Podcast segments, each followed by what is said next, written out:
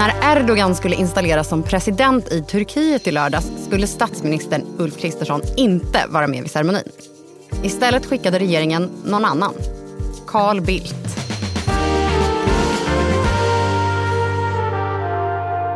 Det här är Älskade politik där vi idag dyker in i en av politikens grand old men. Carl Bildt. Vem är den här moderatikonen och varför är det han som rycker ut? Jag heter Evelyn Jones och med mig har jag... Annie Reuterskiöld. Thomas Ramberg. Annie, varför skickar de just Bildt till Ankara? Det var få västländer som skickade sina stats eller regeringschefer. Så att eh, Kristersson inte åkte var kanske inte så konstigt.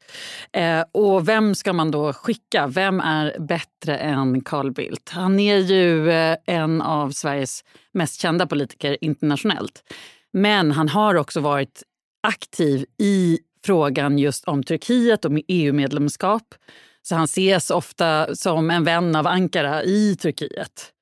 Bildt har själv beskrivit den här installationen som imponerande. Han har berättat att han har talat med, eh, om PKK då med den nya turkiska utrikesministern Hakan Fidan. Eh, Fidan var ju då tidigare chef för den här ganska fruktade turkiska underrättelsetjänsten. Bildt beskrev Fidan som kompetent. Wheels up mot Ankara twittrade då Bildt och reste alltså iväg till Erdogans installation. Och det är, som du sa Annie, långt ifrån första gången som Bildt är involverad i internationella frågor. Men vi backar bort från dem och in i den svenska politiken för några decennier sedan. Hur hamnade Carl Bildt där han hamnat? Han är ordförande i elevrådet på Östra Real 1966. Det är när vi fortfarande har vänstertrafik i Sverige. Vissa elever här på skolan pratar om eh, skolkvarsel. Vi har haft ett möte och eh, gjort klart situationen. Eh, bara för några timmar. Hur ställer du dig personligen till det? Vi håller oss efter lagen här och lagen förordar att vi är i skolan. Det sätter ju honom både klassmässigt och liksom som le tidig ledare på kartan. Konservativ skolungdom hade 200 medlemmar på Östra Real, SSU hade åtta.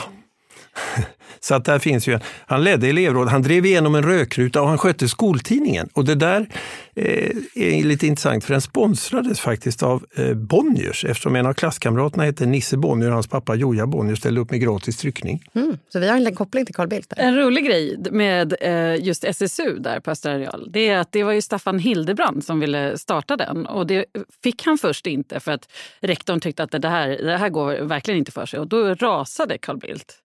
Eh, och, och menade att det här är inte demokrati. En SSU-förening måste också finnas på skolan. Det är lite talande tycker jag. För... Ja, han vill ju ha motstånd. Ja. Det, är liksom en, det är väldigt talande för att Bildt eh, älskar ju striden, debatten, konflikten. Han vill liksom inte ha medhåll av alla.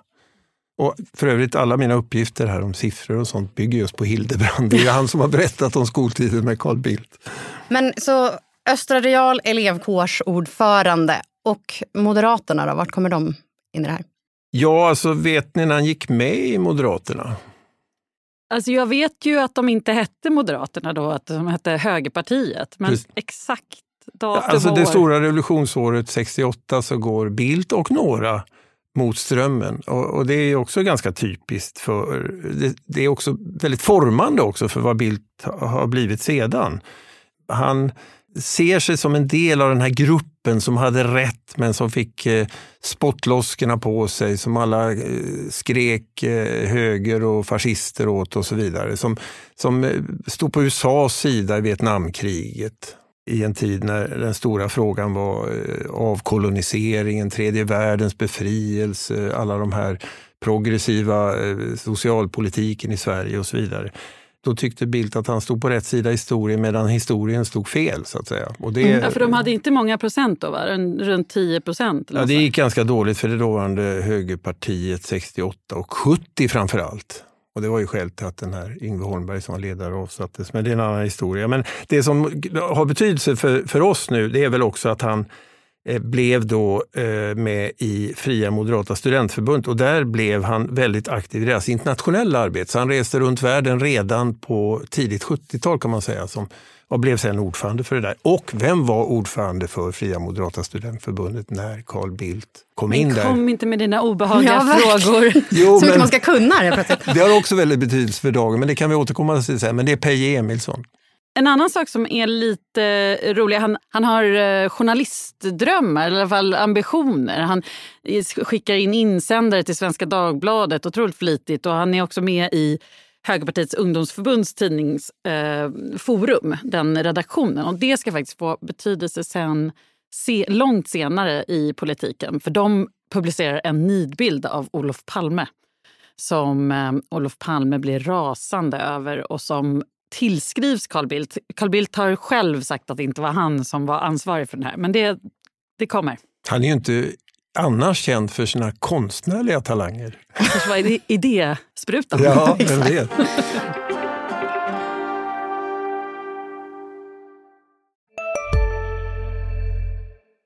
Vi är specialister på det vi gör, precis som du. Därför försäkrar vi på Swedea bara småföretag, som ditt.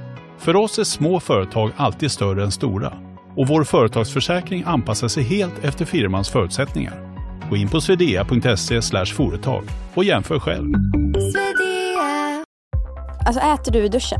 Nej, det gör jag verkligen inte. Men alla gör ju det nu. Duschsnacks, Frans. Vilka alla? Ja, men alla på TikTok och bloggar och allt möjligt. Så det är, de har en tallrik i duschen och så är det lite så här oliver och ostbågar typ. Nej men gud, tapas.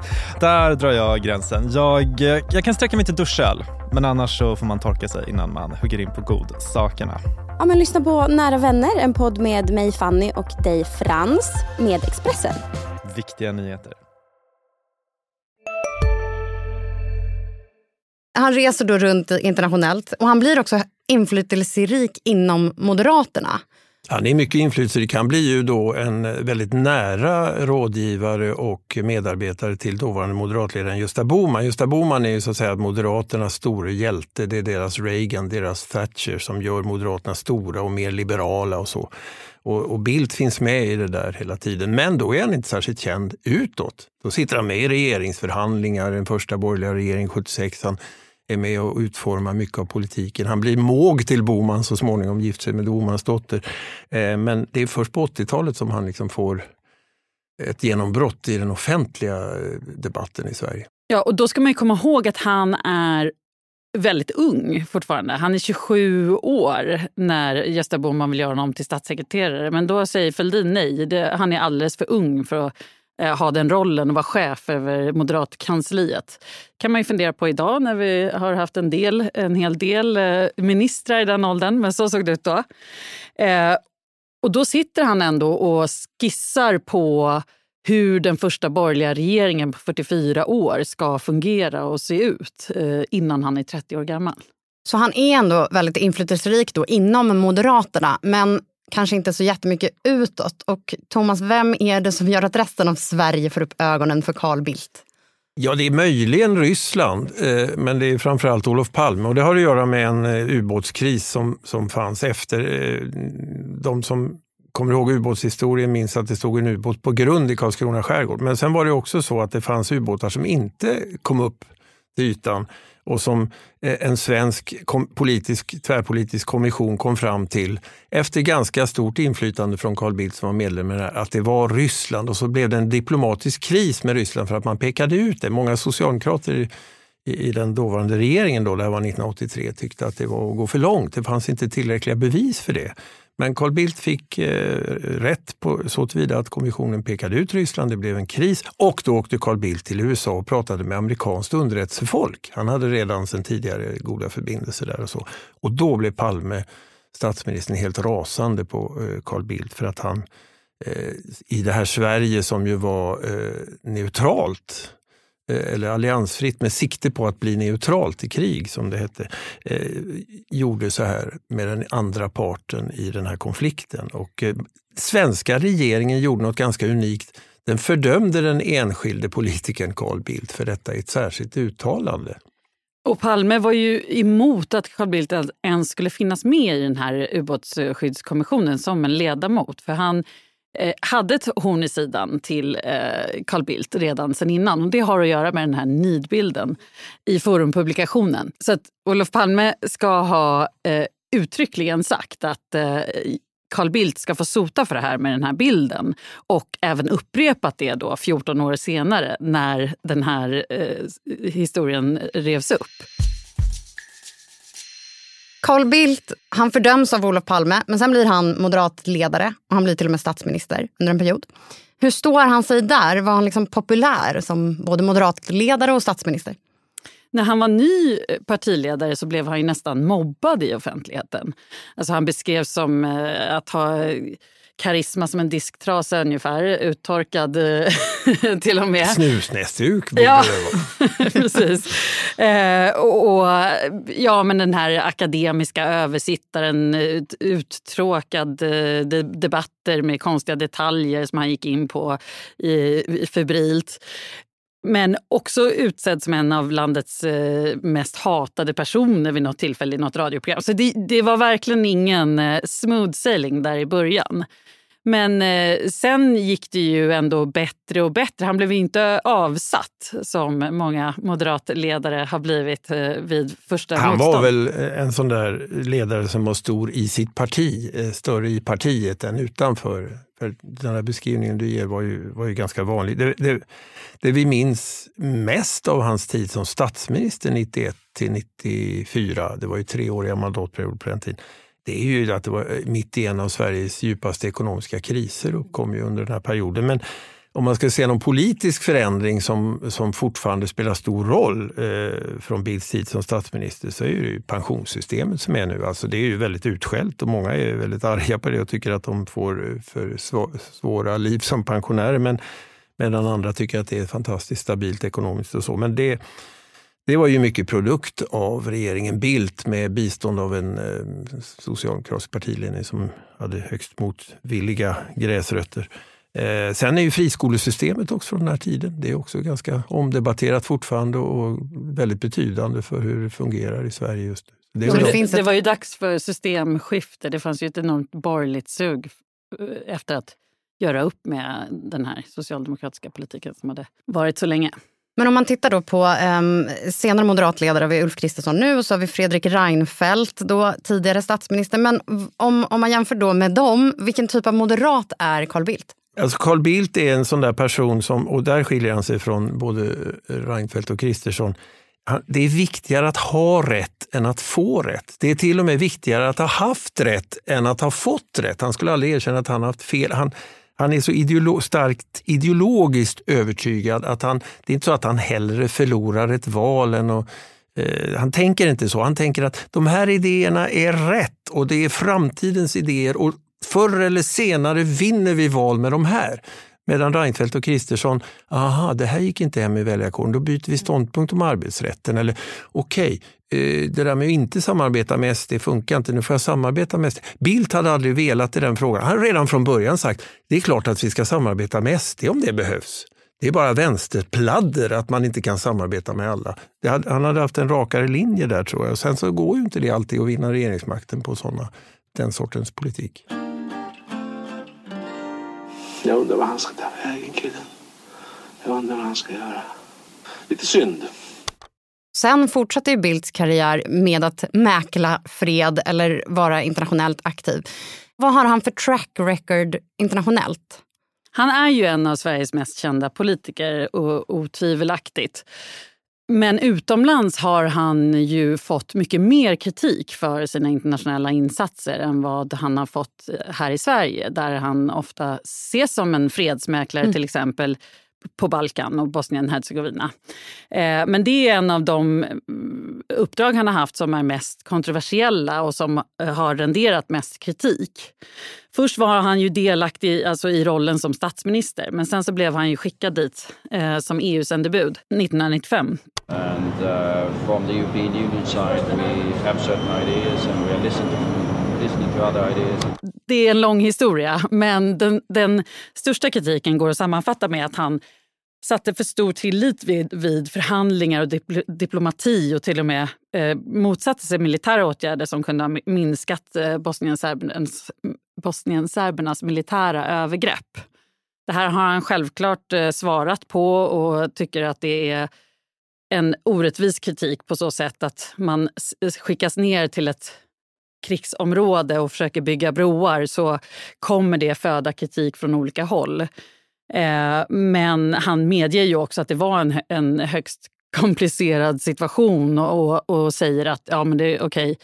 vi fick i alla fall fred till slut i ja, väldigt komprimerat, Ja, ja, det, han, det han brukar eh, föra fram. Men eh, det, är, det är intressant för att det har lite med hans politiska hållning att göra. skulle jag säga. Han har ju alltid varit en politiker som tror på handel som verktyg för att demokrati ska komma. Och diplomati, förhandlingar snarare än militära interventioner och eh, hårt motstånd mot diktaturer så ska man prata med varandra. Ehm, och det var ju här också. Han försökte förhandla med Ratko Mladic eh, till exempel efter Srebrenicas fall. Eh, och då hade det här folkmordet redan påbörjats, så det har han ju fått kritik för. då. Men också en- om man pratar, då pratar om handel som, eh, som fredsmekanism, eh, eller vad man ska säga, så har han ju också haft, eh, eller fått kritik för sin involvering i Gazprom, alltså det ryska gasbolaget. Ja, precis. Och det kanske han inte gick in med, med fred i sikte. Nej, pengar kanske. Ja, men, men det är ju en, som du säger en talande bild för hur han fungerar som politiker. Både Gazprom eh, som då byggde Nord Stream men även Lundin Oil och Lundin Petroleum som det senare hette har ju varit rena affärsintressen för Carl Bildt. Eh, och där har han suttit i styrelsen men sen har han avgått när han blev utrikesminister men fick ändå övertalas att till exempel sälja sina aktier i eh, Lundin Petroleum som då jättekort har varit kontroversiellt på grund av att de har verkat i ett eh, krigförande land. Det begicks eh, folkrättsbrott, men sen har, Ja. bara för att tiden har gått så väldigt långt så har den där brottsutredningen som fanns om detta kring Lundin ju lagts ner. Sen är ju Bildts inblandning att ha suttit i styrelsen och sånt, så att han, det är väl eh, högst oklart om han skulle ha haft någonting med just det där att göra. Det kommer vi aldrig få reda på heller antagligen. Nej, och hans ideologiska hållning är ju att det är bättre att göra affärer i eh, krisdrabbade, eh, komplicerade områden än inte. Det där är ganska tydligt, för just när, han var ju väldigt kritiserad då kring när det här uppdagades vad som hade hänt i Sudan kring de här Lundinprojekten. Eh, och i, då, då när han intervjuas av Ekots Erik Ridderstolpe, då tycker jag han gör vad som egentligen är Bildts programförklaring när, med, när det gäller synen på eh, affärer, marknad och politik. Han säger när Ridderstolpe ifrågasätter att han både har FN-uppdrag och jobbar kommersiellt. Då. Nej, men nu talar du som en gammal vänstertyp och då blir jag arg. Säg inte att människor som sysslar med företag inte kan vara ideella. Jag vägleds av samma moral, samma värderingar om jag är statsminister, om jag är FN-medlare eller om jag är företagare. Så när man påstår att företagande skulle vara fult, det accepterar jag inte. Och det där eh, går ju igen till exempel i synen på Kina. Bildt har ju tillhört de där som i det längsta har sagt att affärer med Kina är bra, det kommer att leda till demokrati för de kommer att bli en marknadsekonomi. Det är ju nu en tes som är i högsta grad ifrågasatt, inte minst av verkligheten. Eh, Men Samma där, sak med Nord Stream, ju, men där har ju han haft gott säll- sällskap kan man ju säga. Det är många som har trott på Ja, den. jo, men det är väl, Bildt har ju som sagt varit en ganska ledande figur så han har lätt att få sällskap också i sina idéer. Har han fått kritik internt i Moderaterna för alla de här affärerna? Det har ju varit tyst utåt i alla fall, det kan man säga. Men en person som inte räds lite offentlig kritik är ju Hanif Bali. Moderaten som nu eh, har avslutat sina partiuppdrag men eh, som länge twittrade om väldigt många olika saker. Han syntes kan man säga. Han syntes. Eh, och han eh, vågade sig på för några år sedan bara att eh, twittra att Carl Bildt har inte haft rätt om ett enda utrikespolitiskt skeende. Expressen skrev ju en artikel. Hanif Bali sa det här om Carl Bildt. Jag kommenterade inte, Carl Bildt kommenterade inte. Storyn håller på att dö där. Eh, Men sen brakade ju helvetet loss när partiet gick ut och sa att det var olämpligt. Och det blev eh, faktiskt spiken i kistan för Hanif Balis eh, riksdagsuppdrag och eh, politiska karriär hittills i alla fall. Sen kanske han återkommer. Men, och, och efter alla dessa, han har ju skrivit en bok som heter Mina nio liv. Alltså, han har ju varit i blåsväder enormt många gånger. Men det var den här kritiken mot Carl Bildt som eh, gjorde att det inte gick längre. Ja, det där pekar ju på Bildts roll i, i eh, den borgerliga världen, inte bara i Moderaterna. Han är en helig ko. Så nära man kan komma en politisk helig ko i, i eh, Sverige på den sidan. Och eh, varje gång det tas upp, ja men okej, han var emot att Sverige skulle eh, bojkotta Sydafrika under apartheid. Han, han tog miste om eh, ubåtsljud som visade sig vara minkar. Han Eh, tyckte att Berlusconi-regeringen var bra som tillträdde vid sekelskiftet. Eh, han eh, alla de här frågorna, när de kommer upp så skakar han av sig det. Han är som en gås, vattnet bara rinner av. Han hade ändå rätt i grunden, även om det blev fel sen för att de där som han pratade om inte skötte sig. Han har då varit i blåsväder ändå många gånger, men han är lite av en politisk helig ko. Eh, vad är det som gör att vi som samhälle inte kan få nog av Carl Bildt? Vad är hans USP? det är väl just att han är så, eh, alltså det som motståndare beskriver som arrogant, men som de egna tycker, det här är en kille som står upp för våra värderingar. Det är det som har gjort honom så stor i det borgerliga lägret. Alltså när han blev utrikesminister 2006 så var det på förslag ifrån de andra partierna i eh, den borgerliga regeringen. Då. Det var inte Moderaterna som drev det. Eh, Leijonborg har berättat att eh, han sa kan ta Carl Bildt. Mm. Eh, så att han har en enorm prestige. Och, det, i politik är det ju så, det går liksom inte att säga vad som är rätt och fel. Det, motståndaren kan säga många gånger som helst, ja, men där fick du fel, där fick du fel. Nej, men tänk så här istället. Mm. Och det är han väldigt duktig på att driva argumentationen kring. Sen är det ju lite olika Carl Bildt man har fått se. Jag har kanske inte varit med hela vägen. Sen 68? precis. Men när man läser om hur han, han var i början så hade han ju ingenting av den här munterheten och eh, skojsamma. Han tyckte tvärtom att man inte skulle skämta bort politik och, och det var viktigt att vara korrekt. och sådär. Sen har han ju blivit en annan person i offentligheten eh, som mer än gärna skojar med eh, journalister och så. Eh, så där, där har han ju blivit mer och mer folkkär på något sätt. Och sen är det det här att det är ju ganska oemotståndligt med någon som säger hur det är och som bara verkar veta det. Det är liksom, man vill bara lägga sig där i famnen och lyssna och allt kommer bli bra. Han säger att det är ingen fara och han vet hur det ska vara. Jag tror inte det, man ska underskatta det. Och ganska få politiker i dagens läge har den där väldigt självsäkra tonen. Men han bäddar ju då också för en massa människor som vill säga haha, du hade fel. Precis som vi har gjort till viss del i den här podden. Ja, men för att precis som du säger så vill ju folk höra vad Carl Bildt tycker. Under det senaste årets eh, Ukraina-krig och NATO-process så har ju han varit med på alla möjliga ställen. Det känns som att han rings in av journalister titt som tätt. Varför vill alla prata med, journalister prata med Carl Bildt? Det är väl tacksamt med en person som vill prata och ha åsikter för det första och som har ett CV som är rätt imponerande ändå. Jag menar, han har varit eh, partiledare, han har varit statsminister, han har varit eh, eh, utrikesminister i åtta år i Sverige och så. så att, eh, Eh, det är inte så konstigt att han rings in till eh, sådana, när utrikesministern själv inte vill komma och prata eller några andra som faktiskt har den nuvarande makten. Han var ju också en av de första politikerna som började ifrågasätta journalister och journalisternas frågor och premisser.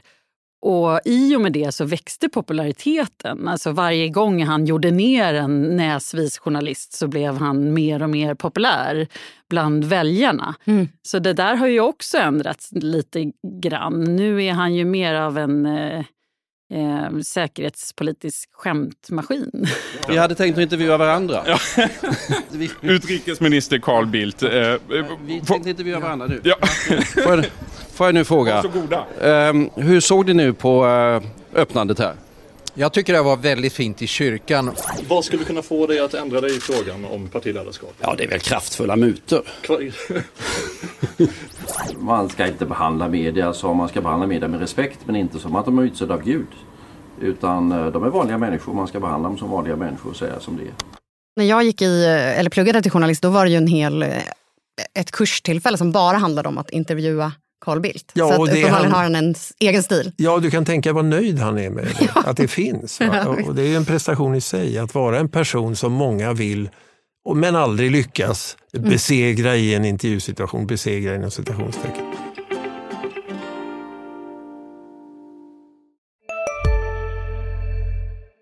Hej, Synoptik här. Hos oss får du hjälp med att ta hand om din ögonhälsa. Med vår synundersökning kan vi upptäcka både synförändringar och tecken på vanliga ögonsjukdomar. Boka tid på synoptik.se. Välkommen till Maccafé på utvalda McDonalds restauranger med Baristakaffe till rimligt pris. Vad sägs om en latte eller cappuccino för bara 35 kronor? Alltid gjorda av våra utbildade baristor. Nu har han skickats till Ankara för det här. Och är det här liksom en engångsgrej eller tror ni att Carl Bildt kommer fortsätta ha en viktig roll för partiet? Kanske så här, alltså som någon, någon typ av eh, person man skickar in i lite mer eh, symboliska eh, tillfällen. Men han var ju eh, ett hett namn här inför den här nya regeringen Mm. med Ulf Kristersson som eh, möjligt utrikesministernamn. Mm. Det blev inte han. Och, Han hade gärna tagit det tror jag, men eh, kanske tyckte Kristersson att han inte skulle ha någon som var så stor i sin regering. Så att man Nej. vill ju gärna vara störst så att säga. Men det, eh, som statsminister, men jag, jag tycker det, här, att han skickade det påminner ju rätt mycket om när eh, det var kris med Saudiarabien därför att dåvarande utrikesministern Margot Wallström hade sagt i Löfvens regering, alltså hade sagt att det var medeltida att hålla på och piska folk 200 gånger tills de dog. Eh, och Det är ble- modernt. Ja, nej, men det, det tyckte Saudi och det, och det blev en eh, diplomatisk kris. Då skickade man eh, Björn von Sydow, den förre talmannen, som då eh, var en ganska prestigefylld person, även om man inte är lika världsberömd som Bildt. Eh, och med sig hade Björn von Sydow ett brev från svenska kungen. Och så åkte man dit och reparerade den här relationen. Och det funkade? Ja, eh, dock vet vi inte exakt tror jag, vad, vad kungen skrev i sitt brev. Möjligen Nej. hade Bildt med sig något brev till Erdogan, vad vet vi? Vad stod det i det? Ja, och vad skrev vi? Han kanske längtar tillbaka till kalabaliken i Bender som hans företrädare Karl XII hamnade i. Han är ju också nu vice ordförande i PR-byrån Kreab. Och det är ju lite som att eh, cirkeln sluts. För när hans eh, kompis i Moderaterna, Peje Emilsson, startade Kreab på 70-talet så var faktiskt Carl Bildt en av de första som han anlitade. Och då fick de med sig Sverige, eh, Svenska arbetsgivarföreningen, alltså eh, tid, nuvarande Svenskt Näringsliv, som stor kund på, eh, på grund av eh, Carl Bildts stora kontaktnät. Carl Bildts cirkel har slutits och det har även våran eh, podd här. Men innan vi slutar så ska vi ha lite övertid och hålla oss lite kort. Men om det är någon som inte har fått nog av Carl Bildt efter att ha lyssnat på detta avsnitt. Har ni några tips på hur man lär känna Carl Bildt ännu bättre? Ja, men jag ägnade nationaldagen åt att, att läsa om Carl Bildt och det är faktiskt... Eh, det kanske är det man ska göra. Ja, det kanske är det man ska göra på nationaldagen. Ja, precis. Han är ju rolig att läsa om, så är det. Och, och en bok eh, som har skrivits om honom heter Uppdrag Bildt av eh, journalisten Björn Häger. Eh, den kan jag rekommendera. Den är lättläst och eh, driv i. Det är, det kan, är någonting man inte kan säga om alla politiska biografier. Eh, det är lite kul för att han har inte fått särskilt stor tillgång eller nästan någon tillgång alls till Carl Bildt. Men han gör liksom det, ett nummer av det. Men, där får man också mycket av svensk samtidshistoria. Alltså det, det skulle jag säga är ett bra tips. Uppdrag Bildt. Mm. Thomas, har du något? Ja, det är en bok som kanske mer liknar en hyllningsskrift, Det är en antologi som ger en massa olika intressanta aspekter på Bildt som kallas reformatorn. Det säger väl något om värde- grundläggande värderingen här. Men den kom här om året och har sammanställts just av Peje Emilsson eh, som ju var ordförande i Fria Moderata studentförbundet när Bildt var vice ordförande i början på 70-talet. Så då kan ni tillbringa helgen med att förkovra er ännu mer i Carl Bildt och så är vi tillbaka om en vecka med ett helt nytt brännande ämne. Tack för att du lyssnat på Älskade politik. Vi släpper nya avsnitt varje onsdag. Följ gärna oss så missar du inte dem. Producent var Viktor Aldén. Klippning och musik gjorde Patricio Samuelsson. Klippen kommer från Sveriges Radio, SVT, TV4, Expressen TV, AP och podden God ton. Ansvarig utgivare för Dagens Nyheter är Peter Wolodarski.